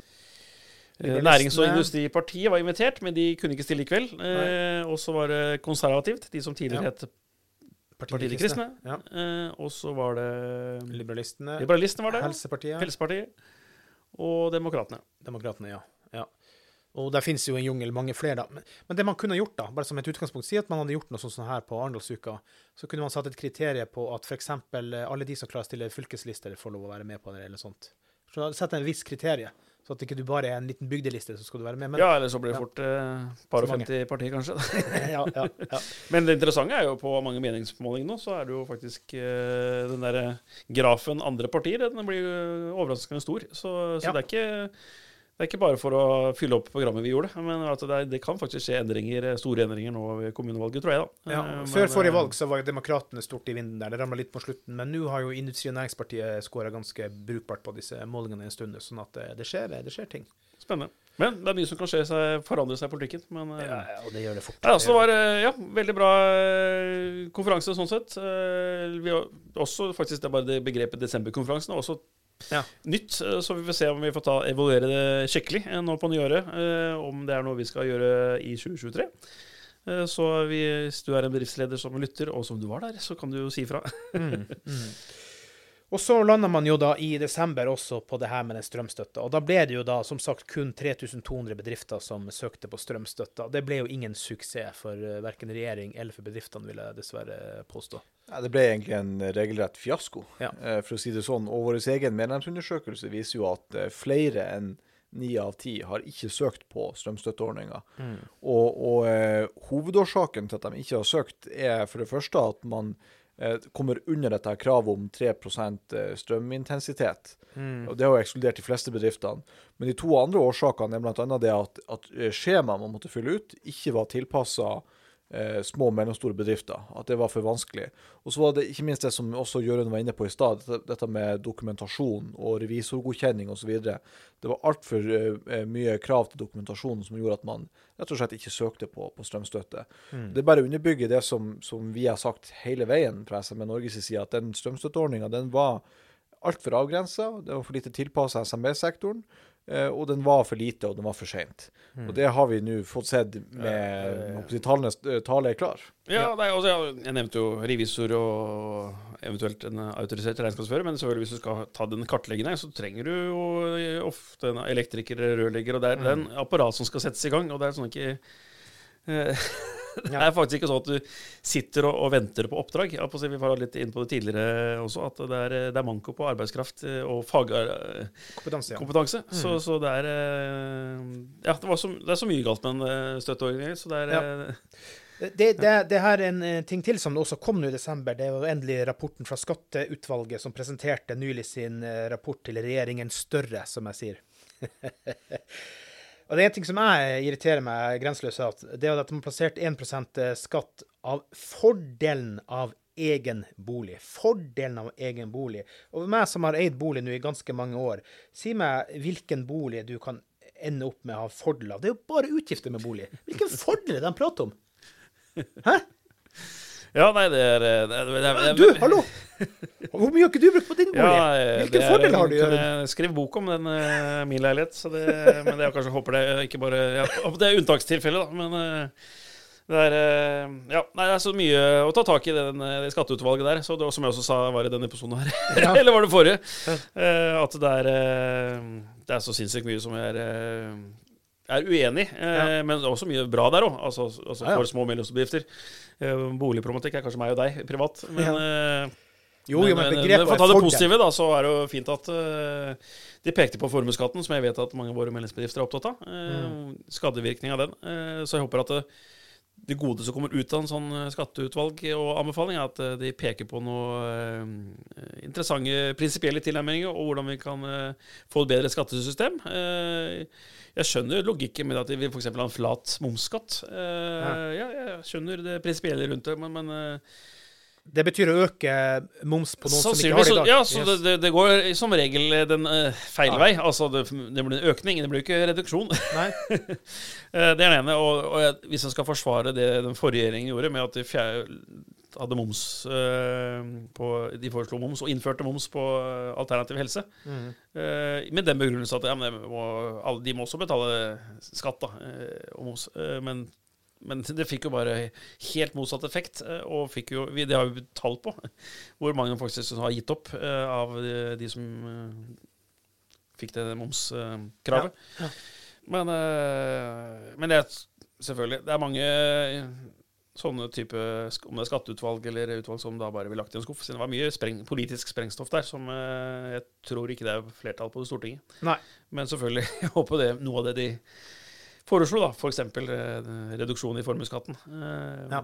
Det Kristian Eilertsen, du som er vår optimist her i podkasten. Fant du noen optimistiske, positive Jeg trodde ting det fra var meg, skatteutvalget? Jeg var så opptatt det her med i sted at det må, vi må være optimist, vi må se positivt. Ja, altså, det var statsbudsjettet, det, da, men ja. Ja da, nei, altså eh, Klart at det som er Jeg skal være helt ærlig at jeg sliter litt med å finne ting som er veldig veldig positivt i det eh, skatteutvalget sin rapport. Altså, det, Ja. Jørund har vært litt inne på at det med, med formuesskatten spesielt, det er positivt. At de Ja. ser og erkjenner egentlig den negative skadevirkninga det har, mm. og at man foreslår noen grep der. Men det var overraskende at ikke de fjernet, foreslo at den skulle Ja. fjerne helt. Det Yes. sånn der, Men det, det, det tror jeg kommer av det der tilleggsmandatet som, som uh, Trygve Slagsvold Vedum, finansministeren, tok inn i fjor høst, om at man skulle se på også fordelingseffekten av skattene. Og pga. at det tilleggsmandatet ble gitt, så tror jeg man valgte også da å beholde formuesskatten, om enn veldig redusert, bare fordi at det har en viss omfordelende effekt. Og det kan jo ingen måte, Det er ikke til å stikke under stol at det har det jo, ikke sant. For det tar jo ifra noen som har formuer, til, til samfunnet, ikke sant. Så det er jo for så vidt greit. Men, men det som bekymrer meg, eh, og som ja, ikke nødvendigvis. Det er ikke sikkert man har formue, men man har papir. ja, nettopp med det jeg sier. Altså, du, du tar fra sant, Liksom. Eh, absolutt. Men, men det som bekymrer meg, er jo, som jeg var inne på litt tidligere også, at eh, ofte så kommer de her utvalgene her bare med mange nye, gode ideer til å innføre nye skatter og avgifter. Ja. Ikke nødvendigvis redusere eller fjerne noen som allerede eksisterer. Eh, for at, og Det klør nok i fingrene til mange politikere nå etter å øke skattene enda mer, fordi at, som vi har vært inne på, offentlig sektor eser ut, blir større og større, trenger mer og mer penger. Eh, men eh, så vi er spent å se på hvordan oppfølginga av denne rapporten vil bli. Og Der kommer jo SMV Norge til å ha en utrolig viktig rolle med tanke på å fortelle politikerne at eh, man må ta de rette skattegrepene nå. Og det er også vesentlig eh, mange andre grep man burde foreta enn bare redusere formuesskatten. Eh, det, det kommer vi til å være på ballen på framover, for å si det sånn. Jeg lurer på hvor mange sånne utvalg og rapporter som eh, har vært gjennom opp gjennom årene, så, så, som ender opp med veldig lite ut av det. Hvor mye prosentvis eh, kommer ut av de her? Er Det blir litt sånn byråkratisk eh, administrasjonsopplegg for å ha noen i drift. Ja, nei, Jeg har ikke noe tall på hvor, eh, hvor mye som ble fulgt opp av anbefalinger, da, men det er jo en ting er som er eh, selvfølgelig faglige utvalg som skal se på hva som er riktig eh, på det, det de har lært på skolen, om det er skatteprofessorer og, og skatte, si, juridiske eh, emner. Men, eh, og jeg merka før vi var på det, så, så jeg var, så var den der, eh, det var juristene mot eh, økonomene, var det ikke det, i skatteutvalget? Så jeg syns jeg leste et eller annet sted. Men, eh, men, eh, men det er jo eh, politisk eh, spenningsstoff. Det, er jo eh, Ja. Det lar man ofte ligge, hvis ikke man klarer å få en tverrpolitisk eh, endring. Da. Og Nei, det, men, eh, men det er, ja, og det er jo sånne ting som er umulig å gjøre noe med. Liksom. Sånn, Ja. eh, ta for eksempel det jeg begynte her for snart fem år siden i SM i Norge. To ting som våre medlemmer er veldig opptatt av, det er de to tingene det er nesten umulig å gjøre noe med. og Det er sykelønnsordningen og formuesskatt. Ja. det har eh, skjedd minimalt de siste fem åra. Nå, nå det er noe mulig å gjøre noe med, da, det er jo noe å stemme når det er valg. Og Senterpartiet har jo da hatt en reise fra 20% til under sperregrensa både i november og desember nå på, på meningsmålinger, så det kan være Ja, I løpet av året som har gått, så har de Senterpartiet virkelig fått merket eh, hva folket mener om eh, Senterpartiet og deres Mm. politikk. Og det vi folk har merka, er at Norges Bank satte opp styringsrenta til 2,75 nå i desember, så det, det skjer da ting, da. Fotball-VM i Qatar til mange protester. Det har vært mye, mye rart som har eh, skjedd, da. Men eh, vi får nå se hvordan eh, veien videre går, da. Men la oss helt til slutt ta en liten runde på 2023. Hva tror vi, hvis vi skal se inn i krystallkula for 2023, Jøren, Hva, hva tenker du om året som er i gang? Nei, Skal jeg ta på meg optimisthatten, da? Eller skal det du som skal ha den, Christian? Eller eh, nå ble vi litt uenige hvem som skal være optimisten? Nei, men jeg tenker du kan, jeg du, eh, kan, du, du kan gjerne se både liksom, hva er det som måtte bekymre deg framover, Jørund, men hva er det som også er grunn til optimisme? Ja, nei, jeg er jo fortsatt bekymra for det. Altså, vi, vi, jeg vil nok eh, kalle denne regjeringen her eh, Ja, så lenge ja, SME Norge har eksistert, da, 30 år, så nå var ikke jeg aktiv så lenge, men jeg prater med veldig mange, Mm. eh, spesielt under eh, jubileumskonferansen, som har kalt dette er nok den mest næringsfiendtlige regjeringen vi har hatt på 30 år. Ja. Uh, det bekymrer meg liksom at de eh, ja, ik- ja, kanskje de lytter til oss, men vi blir jo ikke hørt på, på alt det vi sier. Ja. Uh, og all ære til næringsministeren. Han er veldig flink til å Vi har, vi har en rød linje inn til han på både SMS-er og telefoner og, og sånn. Men, men, og han er flink til å besøke våre arrangementer Ja. og sånt. Da. Men jeg tror faktisk det var noe av det første jeg sa når han ble statsråd. På seg, det blir spennende å se hvilken påvirkningskraft han har på sin egen regjering. Da. Og det Siden det er jo kanskje en av de få statsråd statsråder som jeg syns ja, god, flink til å prate for seg og sånt. Men, liksom, det er jo Det er jo finansministeren som er finansminister og Ja, ja. bestemmer for skatte- og avgiftene, Mm. som er det våre medlemmer er mest opptatt av. Eh, og med forutsigbarhet og sånt. Og sånn på å si, det, Jeg satt jo selv i næringskomiteen, og jeg var litt sånn eh, Men litt spøkefull sagt, det er jo subsidiekomiteen òg. Ja, ja, ja, ja, ja. Eh, Det det, det er eh, finanskomiteen og eh, finansministeren som har eh, mye makt. eh, Mm. Og eh, Så det, er, det bekymrer meg litt at uh, Ja, vi har, uh, vi har en uh, regjering som ikke forstår de små og mellomstore bedriftene sin sak. Eh, Nei. Og konkursbølgen er ikke stansa. Det er ganske sikkert. Den fortsetter at utover våren, den også. Dessverre. Ikke at de ikke ser at vi er i en ekstraordinær situasjon nå, med, med både strømpriser og sånt. At liksom, ja, det er lett holdning til det, ser bare på makroøkonomien. Selv om det er, liksom, det er utgangspunktet levedyktige bedrifter da nå eh, allerede gått konkurs eller er i ferd med å gå konkurs. Og det er med de på vakt. Eh, men jeg er optimist konkurstall. òg. Altså, vi, vi har jo god dialog. Vi, det er jo flere og flere politikere som våkner opp. Eh, vi advarte for et år siden om strømprisene. Plutselig i sommer, da, da begynte det å skje noe. Liksom. Okay, da var det snakk om jeg skal Stortinget ta, eh, i- ta en liten pause i sin ferie. Eh, og det kom støt, strømstøtteordningen, eh, men er, vi, vi ba jo om det, vi har bedt om det et år. Ja. Og så ble ikke strømstøtteordningen sånn som vi ønsket og foreslo, og pekte bl.a. på Sverige og andre land.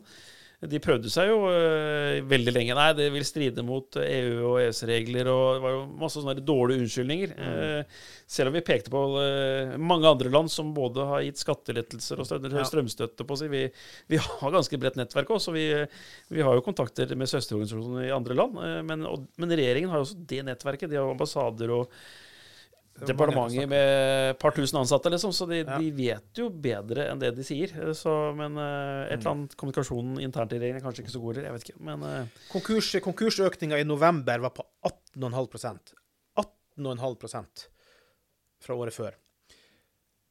Jeg frykter dessverre at desembertallene kan være enda styggere. Og jeg tror det går langt utover våren før liksom man er ferdig konkursrasert. Og det er jo ikke noe bra å sitte og snakke om det, altså, for det er jo ikke sånn vi vil ha det. Nei, ja, nei, det, men vi har jo selv vært politikere en gang, og det er neste år det er valgår. eh, Eller 2023 er valgår. Eh, Ja, kommunevalg. Da eh, kanskje da enda flere politikere våkner, og at faktisk de som sitter i regjering nå, de får såpass trykk fra lokalpolitikere som ønsker å bli valgt. Eh, Mm. Og vi har jo også god kontakt med mange lokalpolitikere, og vi har tillitsmannsapparat selv. Mm. Så, så det er jo, ja, for å ta på optimisthatten, så, så tror jeg ikke at vi vi får se opp mot eh, En ting er selvfølgelig å se mot revidert nasjonalbudsjett, det, men også at regjeringen kan når som helst legge frem en uh, sak for Stortinget. og Mm. så jeg kommer fortsatt til å mase om at eh, den uh, lavterskeltilbudet for uh, konkurstruede bedrifter og sånn, og fortelle om rekonstruksjonsloven, så var liksom noe hensikt òg, det, den, eh, det er sånne småpenger òg. Liksom. Mm. Mm. Men, men det vil jeg si, da, for hvis vi skal tenke litt positivt, da, og det er, jo, det er jo viktig å fokusere positivt, det er jo det at hvis du som lytter her nå vurderer litt fremtid, så er det gå på din bedrift og meld deg inn i SMB Norge. fordi at vi er sterkere sammen, i hvert fall. Så vi kan stå sammen i reisen mot uh, utfordringene, mot konkurs, uh, trua mot strøm, mot inflasjon. Ja, og hvis du som lytter eh, kjenner, ta kontakt med din lokale politiker, som du kjenner, eller din, your congressman, altså Ja, din stortingsrepresentant. Mm. Eh, det, de, de, de har også De lytter på velgerne sine, så det Ja, det er viktig å se etter håp. Viktig å se etter ja. lys her. Uten å bli religiøs, for det er jeg ikke. Og det på, på lang sikt, på, eller på kort sikt òg Vi snakket om det i stad. Norge tjener jo penger. Yes. Mm. Men selvfølgelig, vi, vi, vi er jo, sitter jo her fordi vi er, er opptatt av de små og mellomstore bedriftene. Mm.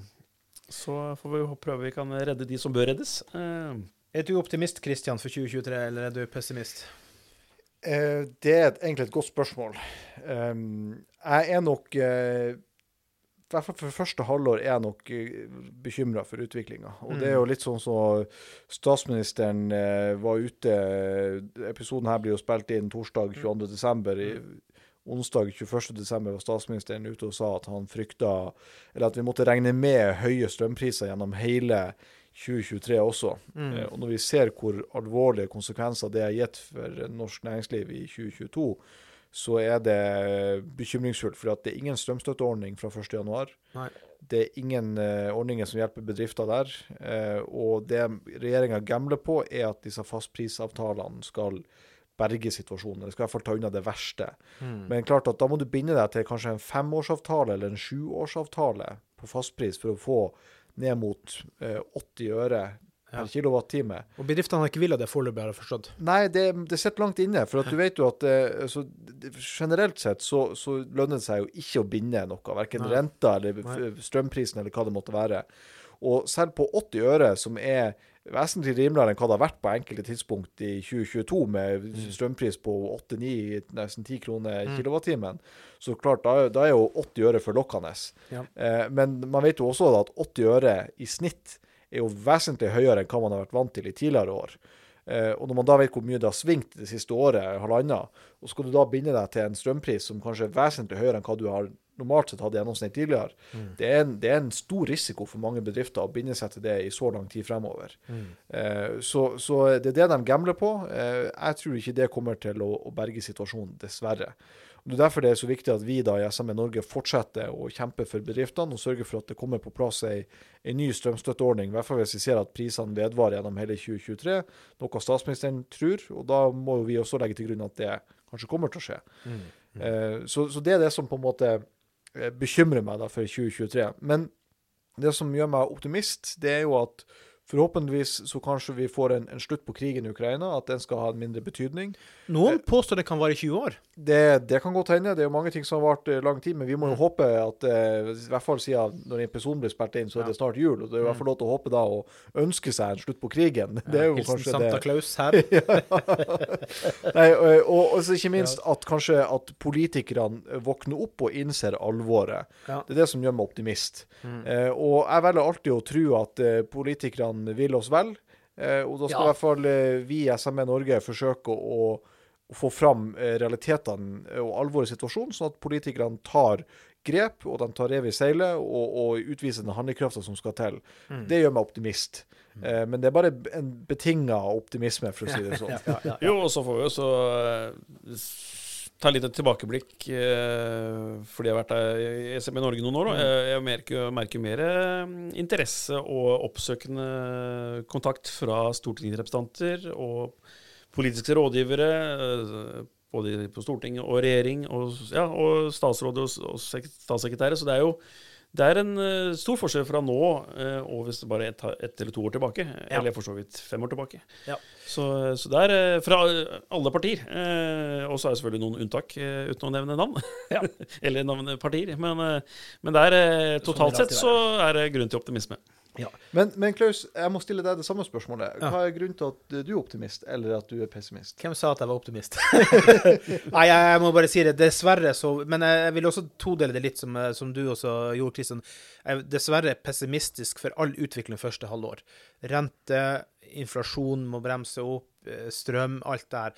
Men så, så håper jeg og tror at det roer seg litt opp rundt sommeren. For hva skjer når det nærmer seg valg? Da vil man bli populær.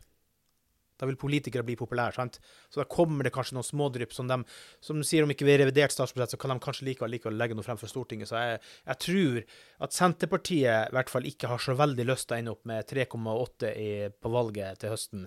Så jeg tror nok man vil prøve å legge frem noen gulrøtter som i det hele tatt. Så, så, og så må man alltid fokusere positivt. Det er alltid viktig å tenke positivt, for å grave seg ned i negativitet det vil på ingen måte bidra til noe eh, nytte. Men det må være lov å være realist og rope ut og si ifra, da. Så eh, delvis optimister, kan si det på den måten. da. Men det jeg håper i hvert fall er at dere lyttere setter veldig stor pris på at vi har hatt denne lange, dype samtalen her på oppsummeringa av 2022, og hva vi tenker litt om 2023. Jeg håper dere setter veldig stor pris på det medieomtalen som har vært veldig økt for SMB Norge i 2022. Kudos til alle i SMB-nettverket. Det har vært en utrolig stor og god jobb som har vært gjort. Fantastisk eh, Arendalsuka. Så det setter store, store høye liste på hvordan det kan bli i 2023. Hint, hint, Kristian. Det, det, det, det kan bli bra, får vi håpe. Og så eh, får vi håpe virkelig at dere alle sammen får et riktig, riktig så godt nytt år. For vi må tenke positivt. Selv om det er tøft å stå i det akkurat nå, så må vi tenke positivt. Og 2023 kan bli mulighetenes år. Ikke at jeg kan sånn her kinesisk eh, astronomibegrep, jeg vet ikke hvilket år vi går inn i der, men eh, de har jo sine måter å tolke på om det blir bra eller ikke bra. Men, men vi håper at det blir bra, gjør vi ikke det? Det blir et SMB-år, blir det ikke? Det blir et SMB-år. Det må vi virkelig, virkelig håpe. Så eh, da ønsker vi eh, absolutt, absolutt alle lyttere et riktig, riktig godt nytt år. Godt nytt år, ja. Godt nyttår. Hei, mitt navn er Jørund Rytman, og jeg er administrerende direktør i SMB Norge. Vi er den eneste organisasjonen som bare jobber for de små og mellomstore bedriftene. Som medlem i SME Norge får din bedrift mange fordeler. Et politisk talerør inn til Stortinget og regjeringen, svært kunstige forsikringsordninger, gratis advokathjelp over telefon og e-post. Jeg syns du skal melde inn din bedrift i SME Norge i dag. Gå inn på dinbedrift.no og meld deg inn. Sammen styrker vi din bedrift.